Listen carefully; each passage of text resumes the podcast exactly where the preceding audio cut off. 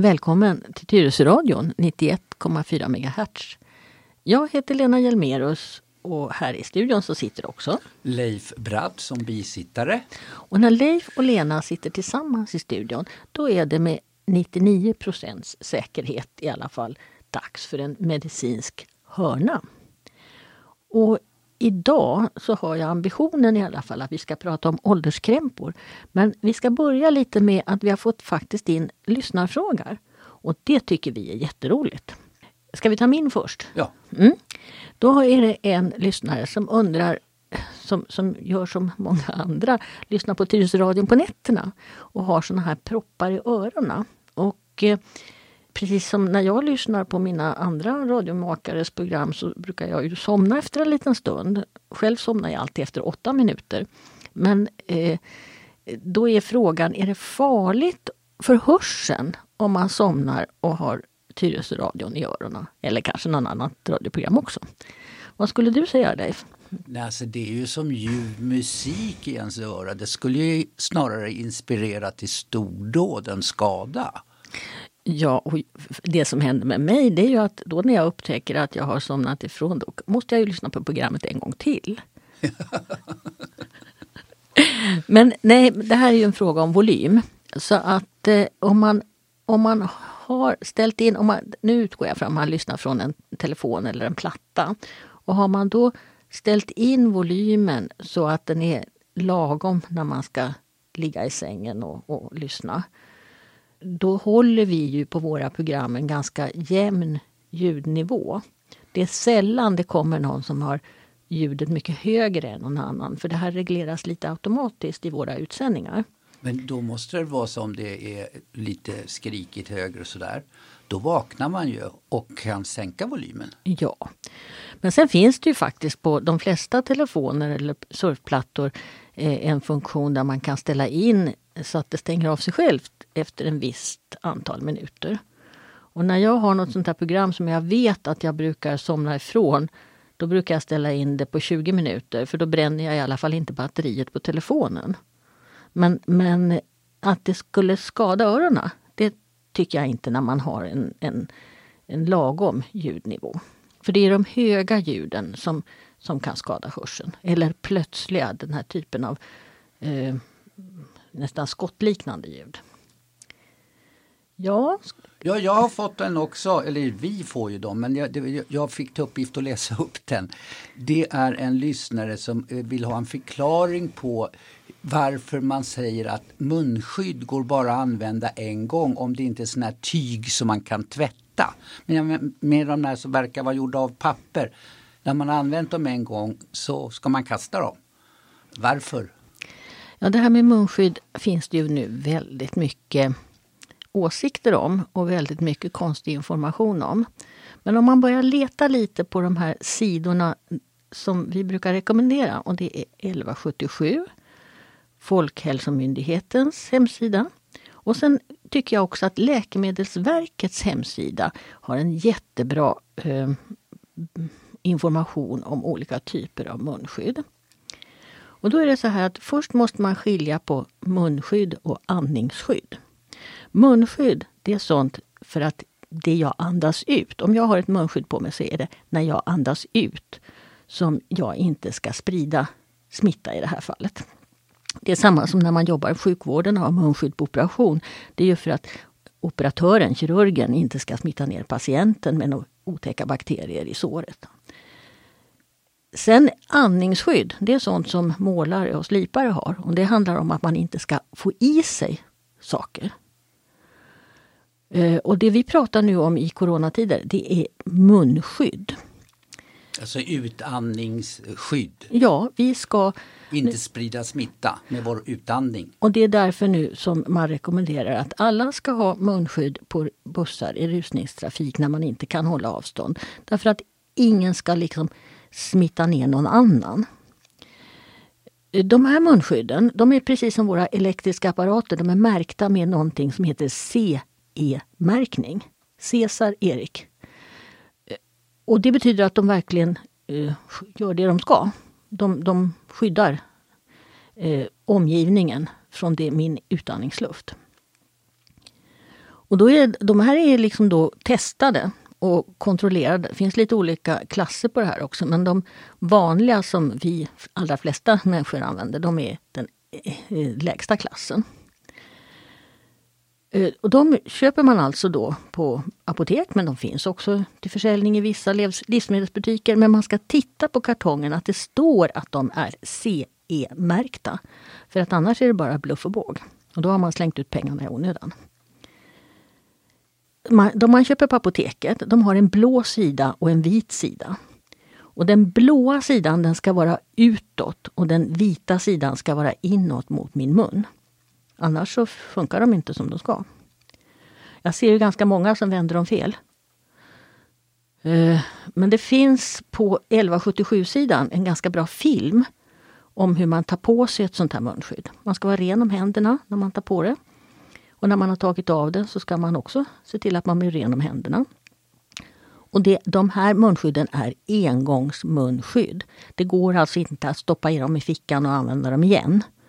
Utan när man har använt dem, när man har åkt in till stan med bussen i rusningstid, haft blåa sidan utåt, kommit då dit man ska och känner att nu kan jag ta av mig det för att nu har jag avstånd till människorna runt omkring. Då ska man slänga det i en papperskorg.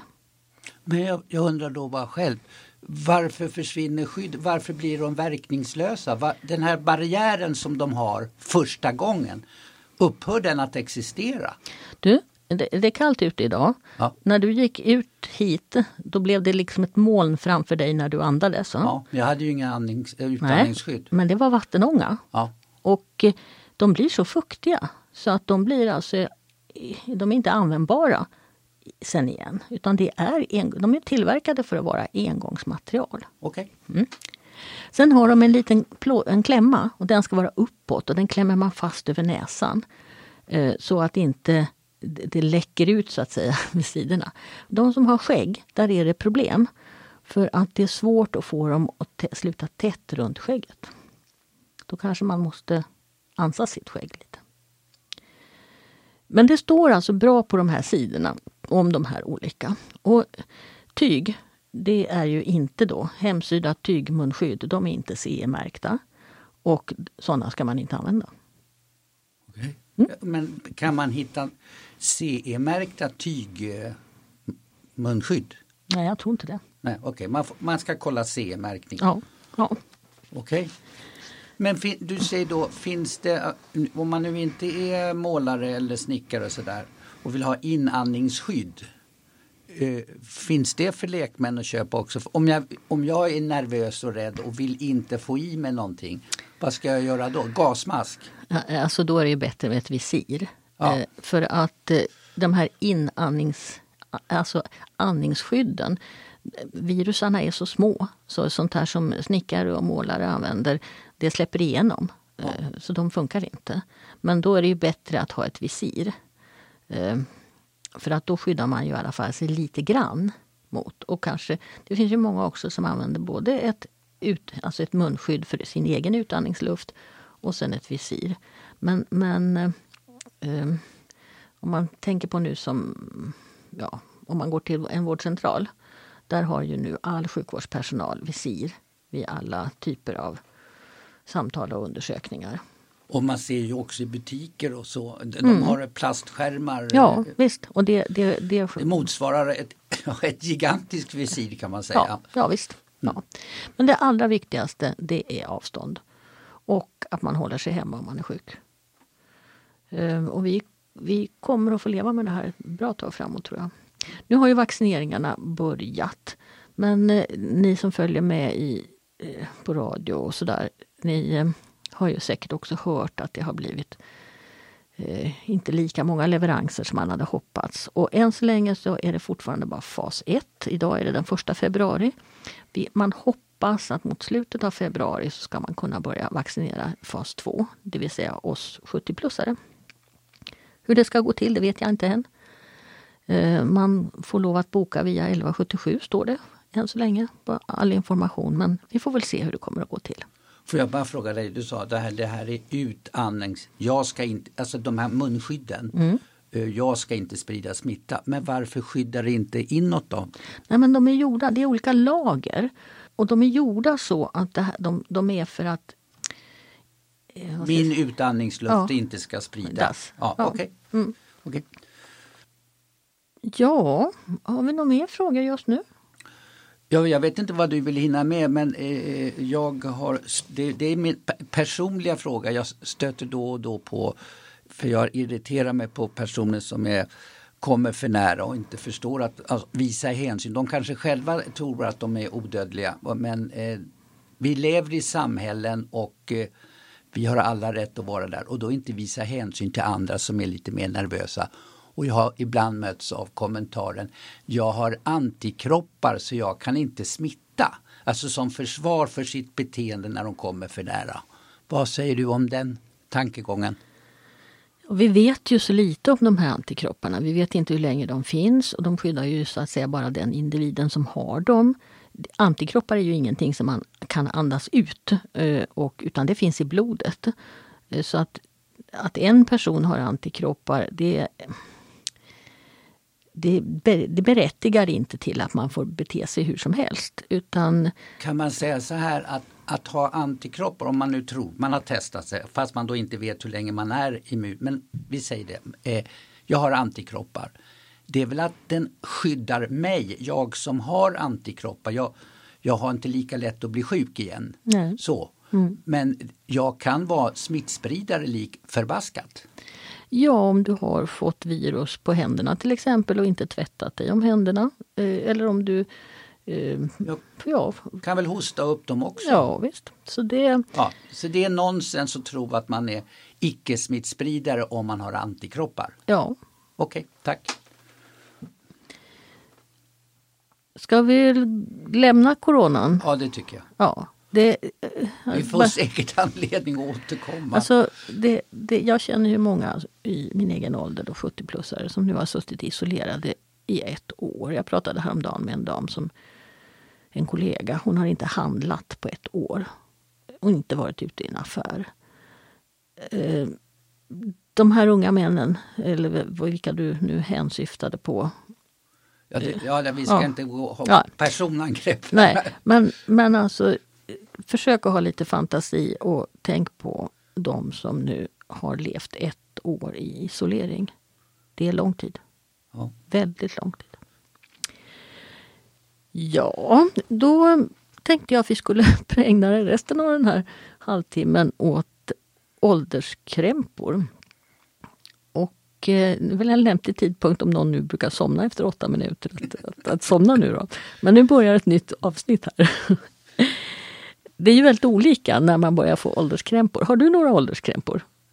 Eh, ja, alltså närminnet har ju blivit sämre. Det är klart märkbart. Men alltså rent fysiskt gå och röra mig så, så tycker jag det funkar fortfarande. Ja. Ser bra, hör bra, luktar bra. Nej, jag har ingen luktsinne kvar. Nej, nej, det nej. försvann långt innan ja, corona. Det var, inte, ja, det, var, det var en specialare för dig. Ja. ja. Ja, alltså det kommer ju framförallt så här tycker jag när det är mörkt och på vintern så börjar man ju känna av lite grann att åren går. Och en sån här sak det är ju att hela tiden tänka lite i förväg. Um, därför att den dagen som det händer någonting, då kan det vara ganska bökigt att få hjälp. Och då tänkte jag, om vi börjar nu då, vi börjar med ögonen. Om man nu tycker att man börjar se dåligt, då är det vanligaste hos en äldre person det är ju grå starr, katarakt. Blir man tillräckligt gammal så får man katarakt. Finns det något folkligt namn? Är det gråstarr? Gråstarr. Ja, gråstarr. Mm. Och det opereras idag. Och det är en sån här sak som man har satsat väldigt mycket på att operera. Därför att man vet att ser folk så klarar de sig längre. Bättre, har det bättre, kan läsa sig på tv, njuta av livet, bo hemma. Snubblar mindre. Snubblar mindre, ja. Så att det är en prioriterad diagnos kan man säga. Men eh, man behöver få en remiss för att gå till ögonläkaren. Om man inte av någon anledning tidigare har gått hos en ögonläkare därför att man har haft något brytningsfel, det har varit närsynt eller långsynt eller behövt glasögon eller något speciellt. Men om man inte har en, en ögonläkarkontakt tidigare så behöver man en remiss. Och det får man från sin vårdcentral. Kan man inte också få det om man går och gör en synundersökning Jo. hos en optiker? Jo. De kan väl remittera också? De kan också remittera för de kan se att det här ögat är grumligt av gråstarr. Eh, och en gråstarrsoperation den är idag enkel. Det är ett rutiningrepp. Det tar inte mer än 10-20 minuter. Och eh, det går till då så att man, får, man är vaken men man får bedövningsmedel i ögat. Och man får också eh, ett medel i ögat som gör att pupillen blir stor så att kirurgen lätt kan komma åt linsen. Och så, om man vill så kan man också få lite lugnande så man inte behöver vara rädd utan man ligger i en slags tandläkarstol. När jag tänker på det så skulle jag vilja ha en dubbeldos lugnande. Jag tänker när de kommer. Är det en kniv de har eller? Ja, de har en liten, först gör de ett litet hål i horn, Uff. hornhinnan. Tre doser. Ja. Och sen använder man idag ultraljud för att eh, liksom krossa linsen. Linsen är ju eh, lite hård, lite gelé, ja, lite hård gelé kan man säga. Så då krossar man linsen och så tar man, suger man ut bitarna och så sätter man in en konstgjord lins. Och det är gjort på ja, 10 minuter. Sen efteråt, då ska man alltså vara medveten om att de här ögondropparna man fått, och om du nu har fått tre dubbeldos lugnande, så ska man ju inte, man ska ha hjälp att ta sig hem. Eh, för att eh, man blir väldigt bländad av solljuset när man har fått såna här droppar som gör eh, pupillen stor. Och sen kan man ju vara lite groggy då. Och, och, ehm, så att man ska inte tro att man, man, man får inte köra bil hem till exempel, utan man ska ha någon som skjutsar en i så fall. Sen ska man ha ögondroppar och det är därför att det ska läka så fint som möjligt. Och det är kortisonögondroppar i allmänhet. Och det brukar de flesta klara av att droppa själva i ögonen. Det är inget svårt. Och det får man instruktioner om hur man gör för att droppa i ögondroppar. Men man ska inte fuska med de där kortisondropparna för att eh, det gör att det, blir, att det läker mycket bättre. Så det här är ett ingrepp som idag görs mycket. Och ingenting att vara rädd för. Och de allra, allra flesta får en väldigt mycket bättre syn. Sen måste man ju då byta glasögon om man nu har haft speciella glasögon. Man mäter i ögat så att man ska få så bra eh, kompensation som möjligt. Men de allra flesta behöver nog ändå byta glasögon efter en kataraktoperation. Vad menar du med att få kompensation? Jo, eh, linsens uppgift i ögat är ju att bryta ljusstrålarna så att de hamnar mitt på eh, näthinnan. Och då, om man, om man är närsynt eller långsynt så bryter det ju lite fel och det är därför man har glasögon. Men när man sätter in en konstgjord lins då försöker man få det så att man ska slippa ha så mycket rättelse, korrektion med, med hjälp av glas. Eh, så att man, i de flesta fall behöver man då nya glasögon. Eh, men det där får man prata med sin ögonläkare innan. Man pratar ju igenom ingreppet innan. Eh, Så det är ju inte bara så att man åker dit och så görs det utan man får träffa ögonläkaren först som mäter ögat och tittar hur det ser ut och bestämmer eh, hur det ska göras. Och då kan man också prata om det här med vad, behöver jag för sorts glasögon sen. Det var synen. Mm. Mm. Eh, Vi kan, kan säga också att medelåldern på de som, medelåldern på de som får eh, ett, eh, en, operation för gråstarr, den är 84 år. Och då, så att det är alltså ett ingrepp som man kan göra även om man är 85, 86, 87, 88, 89, 90. Va? Det, det är liksom inget, det är ingen, det är ingen risk i, i ingreppet i sig eftersom man är vaken under operationen. Vad ska vi ta sen då? Hörseln? Jag vet inte om man... Jag upplever ju att jag oftare säger va? Och speciellt om jag är i en lokal... Eh, alltså, säg, ja, man är ute på lokal eh, och, och, och sitter och snackar med någon polare och så finns det folk runt omkring. När det är sorl eh, i, i rummet då kan jag nog uppleva att jag får flera gånger säga va till mina polare för att eh, det är mer stö- är mer störande idag än vad det var tidigare. Tycker du att din fru har börjat prata sluddrigt? Nej. Du hör vad hon säger. Ja, men grejen är så här, nu ska inte jag vara elak mot henne eftersom inte hon kan försvara sig, men problemet är nog snarare att hon pratar eh, av vad hennes tankeverksamhet har eh, producerat. Men jag kan ju inte höra hennes tankar så att ibland blir det, jag hör vad hon säger men jag förstår inte alltid. Det kan vara så att du har en liten hörselnedsättning så att om du får en hörapparat så kanske du kan höra hennes tankar. okay. och, till skillnad mot att, att se dåligt så behöver man ingen remiss. Utan då vänder man sig till något av de företag som landstinget har upphandlat undersökning av hörseln av. Och det finns många sådana företag i närområdet. Och de har alltså, alla har ett avtal med landstinget vilket gör att det är landstinget som står för eh, en del av kostnaderna för både undersökningen och sen beroende på vad man väljer för hörapparat. Väljer man de lite billigare hörapparaterna då betalar landstinget det helt och hållet. Väljer man en lite modernare så går landstinget in med lite drygt hälften. Och det är inga jättekostnader. Det, det, har, det finns idag en väldigt fin teknik. Så att en hörapparat är en liten, liten grej eh, som eh, sitter... Eh, som man, man, kan ladda upp dem. Man behöver inte längre ha batterier. Det finns gamla hörapparater där man måste köpa batterier hela tiden och batterierna tar slut och det är svårt att pilla in batterierna. Men den moderna hörapparaterna de laddar man eh, över natten när man inte har dem i.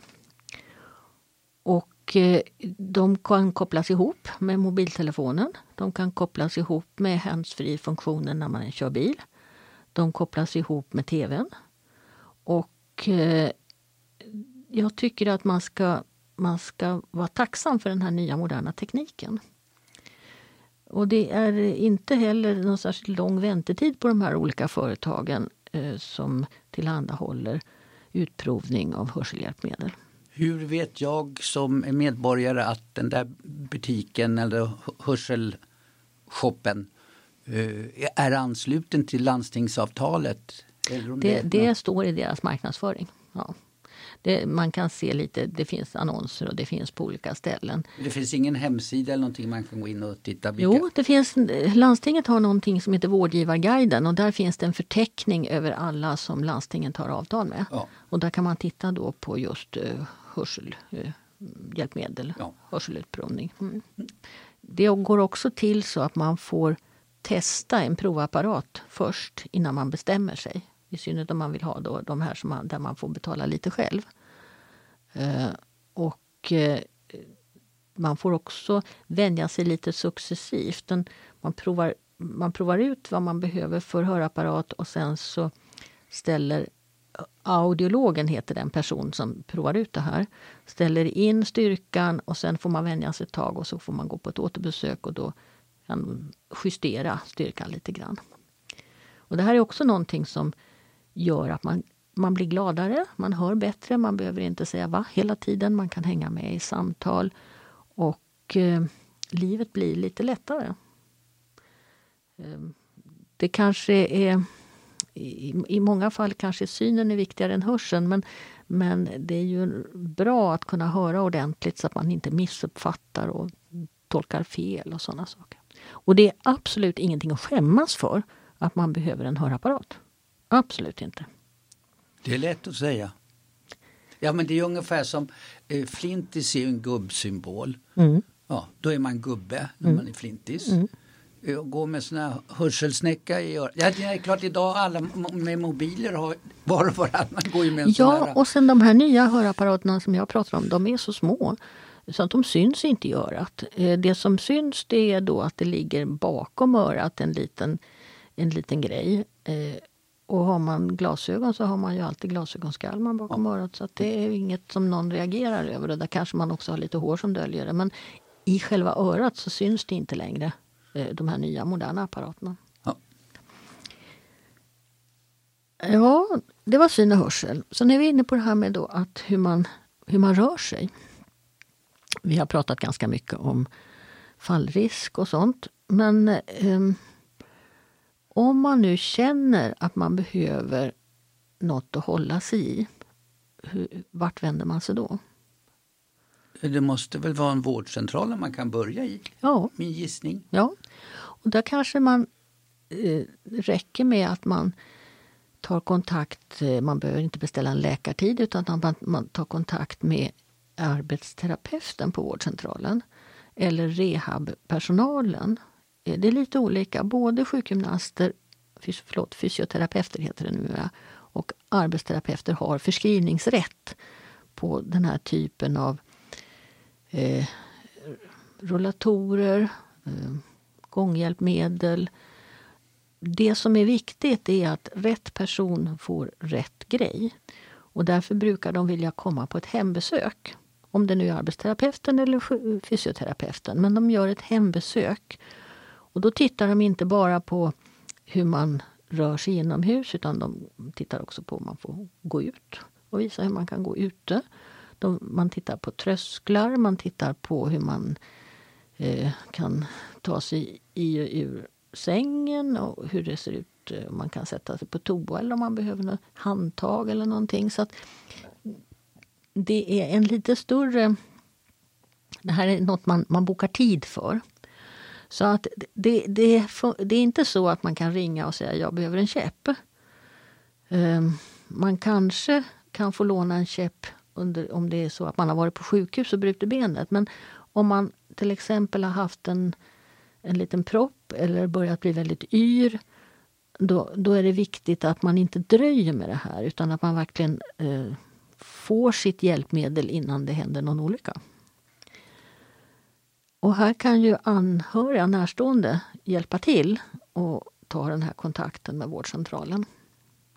Men som sagt, det ska vara ett hembesök och sen ska det beställas den här grejen som man då behöver.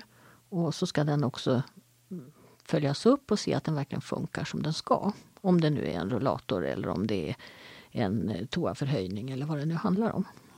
Själv har jag i vad heter det, hallen ett lite som jag sätter igång på när jag går och lägger mig. Eftersom numera, apropå ålder, jag går ju upp en eller två gånger om natten och lättar på trycket. Mm. Då har jag en liten så här eh, ledljuslampa så att det inte är så mörkt i hallen när jag ska gå från sovrummet till toaletten. Och det tycker jag har varit bra just för att minska risken att snubbla på någonting och så mm. trampa fel. Mm. Sladdar och mattor är såna där typiska saker som man halkar på och trasslar in fötterna i och så åker mattan iväg. Så små mattor eh, ska bort. Mattor får man ha stora mattor som inte kan halka. Eller man klistrar fast mattorna. Och eh, sladdar ska man inte ha tvärs över ett golv där man går. Och ha, måste man ha det då får man tejpa fast sladden på golvet. Men det är sånt där som man tittar på just då på de här hembesöken. Ehm, sen, sen är det likadant där då, att det tar tid. Ehm, så att vänta inte för länge utan ehm, känner man att nu, nu har jag svårt att klara mig, ta tag i det innan det händer något. Om man behöver färdtjänst då? Ja, det, jag vet inte vem som har förskrivningsrätt där men... Nej, då är det så här att både parkeringstillstånd och färdtjänst är kommunen eh, som, som är liksom engagerad i. Men för att det ska, inte ska ta alldeles för lång tid där så är det lika bra att man börjar med att be sin doktor om ett läkarintyg. För där måste det vara läkarintyg. När det gäller parkeringstillstånd då måste man själv kunna köra bilen på ett bra sätt. Eh, men man, man har svårt att ta sig från bilen dit man ska. Så att man behöver den där rutan som är specialmärkt så man står lite närmare ingången till vart man nu är på väg. Och då, då får man be sin doktor och förklara problemet. Och antingen säger doktorn att ja, det här ska jag nog kunna skriva ett intyg på. Eller så säger doktorn att nej, men jag tror inte att det här kommer att gå igenom. Parkeringstillstånd är eh, förstås högvaluta. Det är många som vill ha parkeringstillstånd. När man har fått sitt läkarintyg då ska det skickas till kommunen. Och sen så får man ett tidsbegränsat parkeringstillstånd av kommunen. Om de nu godkän, det godkänns det här då. Och eh, det eh, gäller då bara för den här personen. Det, det, Det är inte så att någon annan kan låna bilen och parkeringstillståndet. Parkeringstillståndet har ingenting egentligen med bilen att göra utan det är föraren i den här bilen som har parkeringstillståndet. Eh, den handikappade föraren. Så då står det personens namn? Eller ja, ja det, det, är kort också. Kort, ja. ja. så det är både foto och det, går, det ska inte gå att liksom förfalska de här.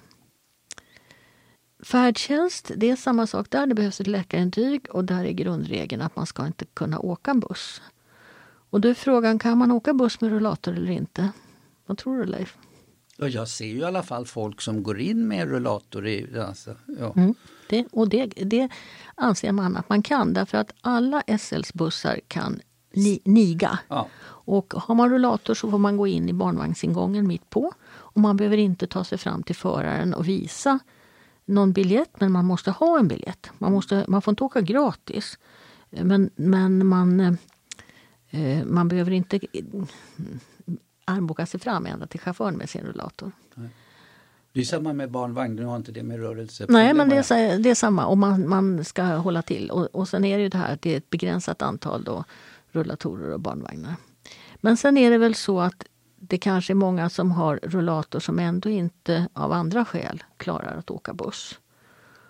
Och eh, då, även där då så är det ett läkarintyg och det går både till kommunen och sen skickar kommunen det till landstinget för det är landstinget sen som färdtjänstenheten på landstinget som eh, skriver ut det här intyget. Men det ska passera kommunens handläggare först. Och det beror ju på att är man så pass eh, i behov av eh, att kunna ha färdtjänst, då kanske man har andra behov också. Och det är jättebra för kommunens biståndshandläggare att känna till. Och det är likadant här, att det ska vara ett bestående handikapp. Det räcker inte med att man har brutit benet och behöver färdtjänst en, en månad. Utan man ska ha, det här ska vara ett problem som man ser eh, räcker framöver. Men som läkare brukar man skriva eh, på ett, två eller obegränsad tid. När man, man får kryssa i en särskild ruta för hur länge man tror att den här personen behöver färdtjänst. Men när du pratade om handikapptillstånd, mm. alltså handikapparkering. Mm. Då uppfattar jag det som att det handlar om alltså man har svårt att röra sig. Ja. Eh, jag kom att passera utanför den här Myggdalsplan, där mm. den här restaurangen som tidigare hette Mosaik, nu Toscanini. Mm. Eh, där finns det ju två platser mm. och de missbruk, tycker jag eh, mm. missbrukas ganska ofta. För de som går ur bilen har inga som helst problem att röra sig. Mm. Då är så, frågan om det är samma kort på fotot på tillståndet på den som går ur bilen.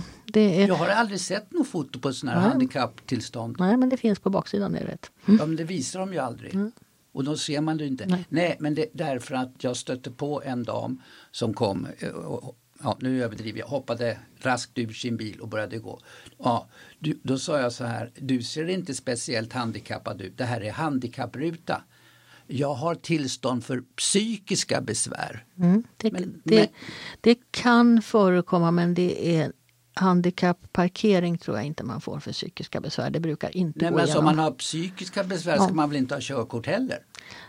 Nej, alltså det här handikappparkering det handlar om rörelseförmåga och ta sig i ur bilen. Mm. Och, och de, de, är, de är hårda på bedömningen. Så det, det är inget sådär som är, man får i en handvändning. Nej, för personen mm. påstod att jag har fått det för psykiska besvär. Mm. Ja, det, det, det, låter konstigt. Det låter konstigt. Ja. Okay. Ja. Mm. Eh, Ja, sen, sen är det ju så att även färdtjänst, det är ju inte gratis att åka färdtjänst. Men det är ju ändå, det, ska, det, det är ändå billigare än att åka taxi, om man säger så. Då. Och eh, man får ha en medföljande för en, en mindre kostnad. Men det är också sånt där, behöver man ha någon absolut med sig, då ska det stå på intyget. Och likadant så står det på intyget om man kan åka tillsammans med andra människor. För färdtjänst samåker ofta, man, man plockar upp flera personer. Inte i dessa tider väl? Jag vet inte hur de gör just nu. Det, Nej, okay. ja, det, det, kan jag inte svara på. Ja. Men, men det tar tid. Eh, man får räkna med en tre, fyra, fem, sex månader på färdtjänst och eh, handikapptillstånd. Så att det är ingenting som man... Man ska tänka igenom det här lite innan det händer. För det kan vara jättebökigt om man, om man plötsligt då eh, hamnar i en situation där det hade varit jättebra om man hade haft färdtjänst. Sen finns det något som heter sjukresor och det är ett särskilt kort som man får via, om man är på sjukhuset eh, och har en sjukdom som gör att man behöver åka till en mottagning till exempel och inte själv kan fixa det. Och det är likadant där, att man får betala en avgift för att göra en sjukresa. Och sjukresor beställs eh, när man bokar tid på en mottagning så beställs det ofta då en, en, i samband med det. Men det är också bara för, för människor som inte kan ta sig dit på något annat vis. Och det här är våra gemensamma skattemedel så att det är viktigt att det här inte blir någon slags inflation i. Nu har vi dragit över tiden men eh, en sån här sak till det är medicinsk fotvård.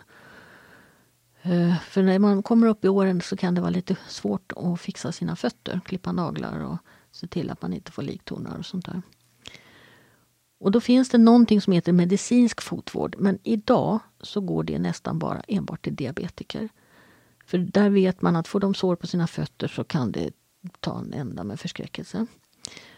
Alla vi andra, vi eh, får boka vanlig fotvård. Medicinsk fotvård det finns det på vårdcentralerna och det finns också vanliga fotvårdare som har en speciell utbildning. Men då ska man veta att de har den utbildningen för annars får man inget bidrag till medicinsk fotvård. Eh, så att om man inte är diabetiker men ändå säger att jag har så svårt att ta hand om mina fötter då får man eh, gå till en vanlig fotvårdare som kanske har ett pensionärsrabatt. Eh, men för att få det här, den här lite finare rabatten, eh, medicinsk fotvård, eh, då måste man ha ett, en speciell diagnos. Eh, det går också om man har missbildade fötter eller om man har men, men, det är alltså i huvudsak är det bara diabetiker som får medicinsk fotvård. Mm. Ja, då har vi avverkat ålderskrämporna. Uppmuntrande så här i men, men vi får väl gå ut i solen och vara glada för att vi kan gå. Hörru. Ja men vi kanske kan, kanske kan få glädja oss åt att vi har tipsat någon där ute som lyssnar på oss vad man kan göra. Ja och kanske du som har en äldre släkting. En mormor eller morfar eller farmor eller farfar eller någon gammal mamma eller pappa. Eh, förstår att det här är någonting som kanske äldre människor tycker är lite pinsamt skaffa hörapparat. Eller att lite rädda för att operera ögonen och inte förstår hur lång tid det tar att få färdtjänst. Så där kan man hjälpa till. Mm. mm. Då tackar jag för idag. Och då gör jag likadeles. Och det här är Leif Bratt. och min partner här är Lena Hjelmerus. Och vi återkommer om tre veckor. Ja. Och, då så, hej då! Hej då!